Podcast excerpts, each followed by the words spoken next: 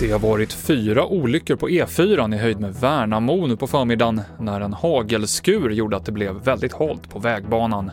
Vid de tre första olyckorna så skadades ingen, men i den fjärde så är skadeläget oklart, rapporterar Aftonbladet. Det har varit begränsad framkomlighet under räddningsarbetet, enligt Trafikverket. Coronapandemin används för att lura äldre på olika sätt. Polisen säger att bedrägeribrotten mot äldre ökar i år jämfört med i fjol. Man skyr nästan inga medel utan man, man kan hitta på vilken anledning som helst. Eh, det har för, förekommit att man har angett att anhöriga har legat på sjukhus och, och så vidare och att man av den anledningen behöver legitimera sig med en e-legitimation. Det är ju, alltså man försätter ju brottsoffret i en oerhört pressad situation. Det sa Lotta Mauritsson på polisens nationella bedrägericentrum. Och två 12-åriga flickor stannade kvar efter stängning på IKEA i Malmö.